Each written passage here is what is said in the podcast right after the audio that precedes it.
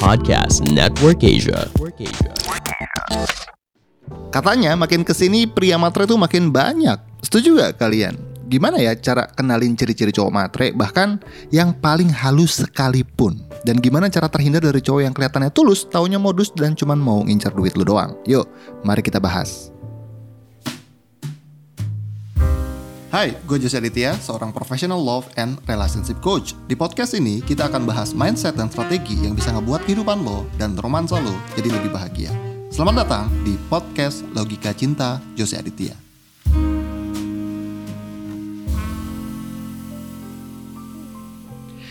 Yes, halo, halo, assalamualaikum warahmatullahi wabarakatuh. Kapan pun dan di mana pun lo denger podcast ini, gue ucapkan selamat datang di podcast gue, Logika Cinta, Jose Aditya. Dan untuk lo yang baru pertama kali mampir, semoga betah ya. Boleh yuk di follow dulu akun podcast kita di Spotify, biar lo gak ketinggalan update episode terbaru dari kita.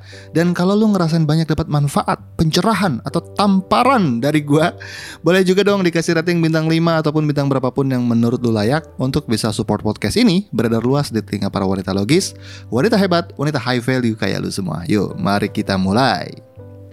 Ya, tentang cowok matre ya, banyak yang ngeluh sama gua. Coach, kenapa ya gua kalau ketemu sama cowok nih, kelihatannya dia ngedeketin, kelihatannya dia tulus, baik, ngambil hati gua dulu. Eh, ujung-ujungnya, coach. Ternyata dia cuma mau minjem duit. Ujung-ujungnya, coach, gue tuh cuma jadi ATM berjalannya dia. Why, coach? Why? Hmm, biasanya fenomena ini sering dialami oleh wanita-wanita yang sudah tidak bermasalah secara finansial. Iya. Yeah. Jadi uh, gue dari riset sih, rata-rata pendengar gue itu untuk mereka yang ikutan ini ya, yang ikutan training dan coaching sama gue adalah wanita-wanita uh, karir yang sudah high value, yang sudah tidak punya masalah soal finansial. Tapi ketika ada cowok yang datang, kelihatannya oke, kelihatannya kece, mobilnya BMW, eh ujung-ujungnya cuma ngincer duit ya kayak mirip-mirip kisah di Tinder swindler itulah ya agak-agak ngeri sih kalau itu. Kenapa? Why? Jadi gini teman-teman, kalau data apakah makin ke sini cowok materi makin banyak, gua nggak tahu, gua nggak riset, gue nggak cari tahu. Bisa jadi ada bisa jadi enggak. Tapi menurut gue nggak penting untuk kita mengetahui apakah cowok matre itu makin banyak atau enggak. Karena kalau misalkan kita nanya sama tetangga atau nanya sama diri sendiri bisa jadi itu bias. Karena bias by experience doang gitu tapi tidak tahu datanya secara utuh. Pun jika sebenarnya cowok matre lebih banyak ya sowat gitu loh. Karena kan cowok matre itu kalau misalkan dia tidak sesuai sama kriteria lu maka hal tersebut tidak menjadi concern lu harusnya. Karena bukan target market lu kan? Lu butuh cowok yang tidak matre maka cowok yang matre ya bukan concern lu bukan tanggung jawab lu. Tapi kan coach gimana cara gue ketemu sama yang tulus? Gimana cara gue ketemu yang benar tapi kalau ujung-ujungnya ketemu sama yang matre lagi yang matre lagi? Nah itu yang jadi soal. Makanya kita bahas dulu satu persatu tentang uh, apakah benar cowok matre itu banyak atau enggak? Lagi-lagi again, gue gak punya datanya. Tapi kalau asumsi gue, inget ya, asumsi, gue bisa salah. Asumsi gue, bisa jadi bukan karena banyak cowok yang jadi matre. Bisa jadi karena cowok matre itu terkesan banyak karena dia adalah minoritas yang berisik. Heeh, iya, minoritas yang berisik, tahu kan? Karena otak kita manusia itu memang cenderung otomatis merespon pada hal-hal negatif. Makanya berita lebih banyak memberitakan hal negatif daripada hal positif. Karena yang ratingnya paling tinggi adalah hal negatif. Karena otak kita didesain untuk survive. Didesain untuk waspada. Jadi kita mencari ada danger apa di sana. Jadi ketika kita mendengar kisah seseorang ketipu cowok matre atau ketika lu kena pengalaman ketipu sama cowok matre, kita punya tendensi untuk mengeneralisasi bahwa wah itu fenomena pada umumnya dengan tujuan baik untuk melindungi diri sendiri biar waspada nggak ketipu lagi. Jadi kesannya jadi banyak. Karena menurut asumsi gua, gua bisa aja salah. Kayaknya cowok matre itu sedikit. Masih banyak cowok yang sebenarnya nggak matre, tapi bisa jadi cowok nggak matre itu bukan kriteria lu. gue ulangin pelan-pelan ya. Gue yakin cowok gak matre tuh banyak, pria baik tuh banyak, tapi sayangnya banyak pria baik ini tidak masuk dalam kriteria lu. Baik sih coach, tapi bosenin orangnya. Baik sih coach, tapi gak ganteng. Baik sih coach, tapi kurang meyakinkan penampilannya. Baik sih coach, tapi gak lucu. Majority of the time, pria itu rata-rata adalah tanda kutip ya. Ini gue bicara general ya, nggak case by case. Pasti banyak loh, ada banyak pasti ada exception lah. Tapi sepertinya, ini asumsi lagi-lagi gue bisa salah karena nggak ada datanya. Gue nggak nyari data. Pria itu yang tulus masih banyak, hanya saja bisa jadi mereka tidak tahu bagaimana ngerepresent diri mereka sehingga mereka tidak terlihat sebagai kriteria yang lo inginkan. Sementara pria-pria matre itu mainnya halus. Dalam arti bisa jadi mobilnya BMW kayak X-Mode. Bisa jadi bajunya Versace.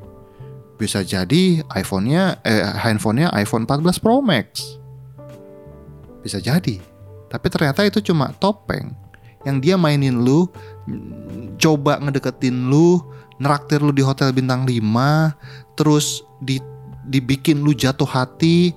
Eh ujungnya ketika dia tahu lu udah jatuh hati, ketika lu sudah tidak waspada, ketika lu sudah guardnya sudah down, barulah dia masuk, dia ngomong, aduh gue bangkrut bisnis gue hancur semua mercy gue diambil baju gue udah nggak punya apa-apa gimana ya?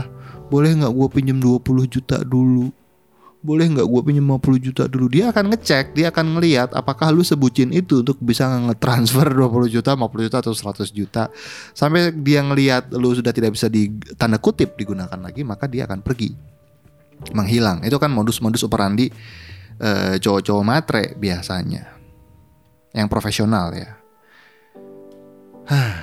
Gimana cara tahu orang-orang kayak gini? Caranya adalah fokus sama hal yang bisa kita kendalikan. Gimana masuknya coach? Iya gini, cowok matre boleh banyak, tapi kan itu something that we cannot control.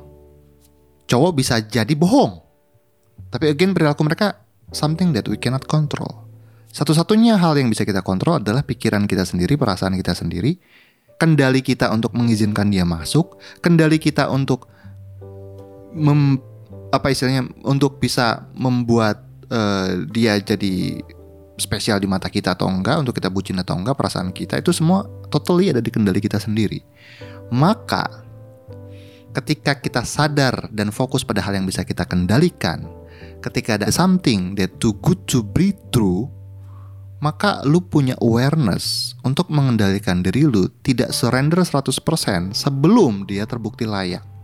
Gue ulangi, ketika lu cukup waras dan fokus pada hal yang bisa lu kendalikan totally ya, yang lu bisa kendalikan 100%, maka ketika ada something too good to be true, lu bisa cukup waras ngerem diri lu untuk tidak surrender 100% pada pria yang belum terbukti. Karena untuk pria bisa membuktikan komitmennya bukan dari traktir lu di hotel bintang 5. Bukan dari janji-janji katanya mau nikahin lu tapi datangnya dari perilaku yang mencerminkan komitmen dia. Kalau misalkan memang dia serius, dia berjuang. Kalau misalkan dia memang uh, komit mau nikahin lu, dia akan menunjukkan perilaku yang selaras dengan kata-katanya. Karena ketika kata-kata dan perilaku tidak selaras, maka yang benar, yang valid adalah perilakunya. Ngomongnya janjinya mau nikahin tapi ujungnya minjem duit ya berarti yang benar dia cuma mau manfaatin lu gitu loh. Sesimpel itu sebenarnya. Jadi uh, mungkin cowok-cowok yang nggak sesuai uh, yang yang red flag itu banyak di luar sana, yang matre juga banyak di luar sana, tapi again itu di luar kontrol lo. Yang yang bisa lo kendalikan adalah cara lo mendekati pria, mindset yang lo pakai ketika mendekati pria, dan juga cara lu memfilter mana pria yang boleh masuk, mana yang enggak. Dan cara lu memfilter kapan lu boleh surrender hati lu menyerahkan atau menitipkan hati lu pada dia, patokannya apa itu 100% in your control. Ketika lu 100% dalam kendali, maka seburuk apa pun situasi di luar, nggak akan bikin lu menderita sih. Dan bahkan gue yakin pria baik itu banyak, cuman nggak kelihatan. Pria baik itu banyak, pria yang bisa bahagiain lu tuh banyak, cuman nggak kelihatan karena bisa jadi mereka terlalu sibuk kerja, bisa jadi mereka punya masalahnya sendiri, bisa jadi mereka lagi ngejar impian mereka, bisa jadi mereka nggak terlatih untuk memperlakukan wanita. Banyak hal, tapi tugas kita, tugas kamu, tugas wanita adalah buka pintu gerbang dan memastikan screening yang tepat, pakai mindset yang tepat sehingga pria yang memperjuangkan lo adalah pria yang lo inginkan. Karena pada dasarnya yang punya kendali menentukan lu berpasangan sama siapa bukan cowok tapi lu. Lu yang milih. Lu yang milih siapa yang boleh masuk. Kesimpulannya apa? Kesimpulannya bikin kriteria yang benar dulu. Habis itu pakai mindset yang tepat. Habis itu pakai teknik yang tepat. Nah, itu semua kalau mau upgrade diri soal relationship, lu bisa belajar di True Love. Dan kebetulan nih tanggal 3 sampai 7 April 2023 lagi ada promo THR. Silahkan cek aja di truelove.id slash promo THR. Lu akan lihat banyak produk kita yang di diskon, membershipnya juga di diskon. Ya, kalau mau belajar langsung aja cus ke sana. Gua Jose Aditya pamit. Kita sampai jumpa lagi di podcast berikutnya. Be great, be love, and start today. Bye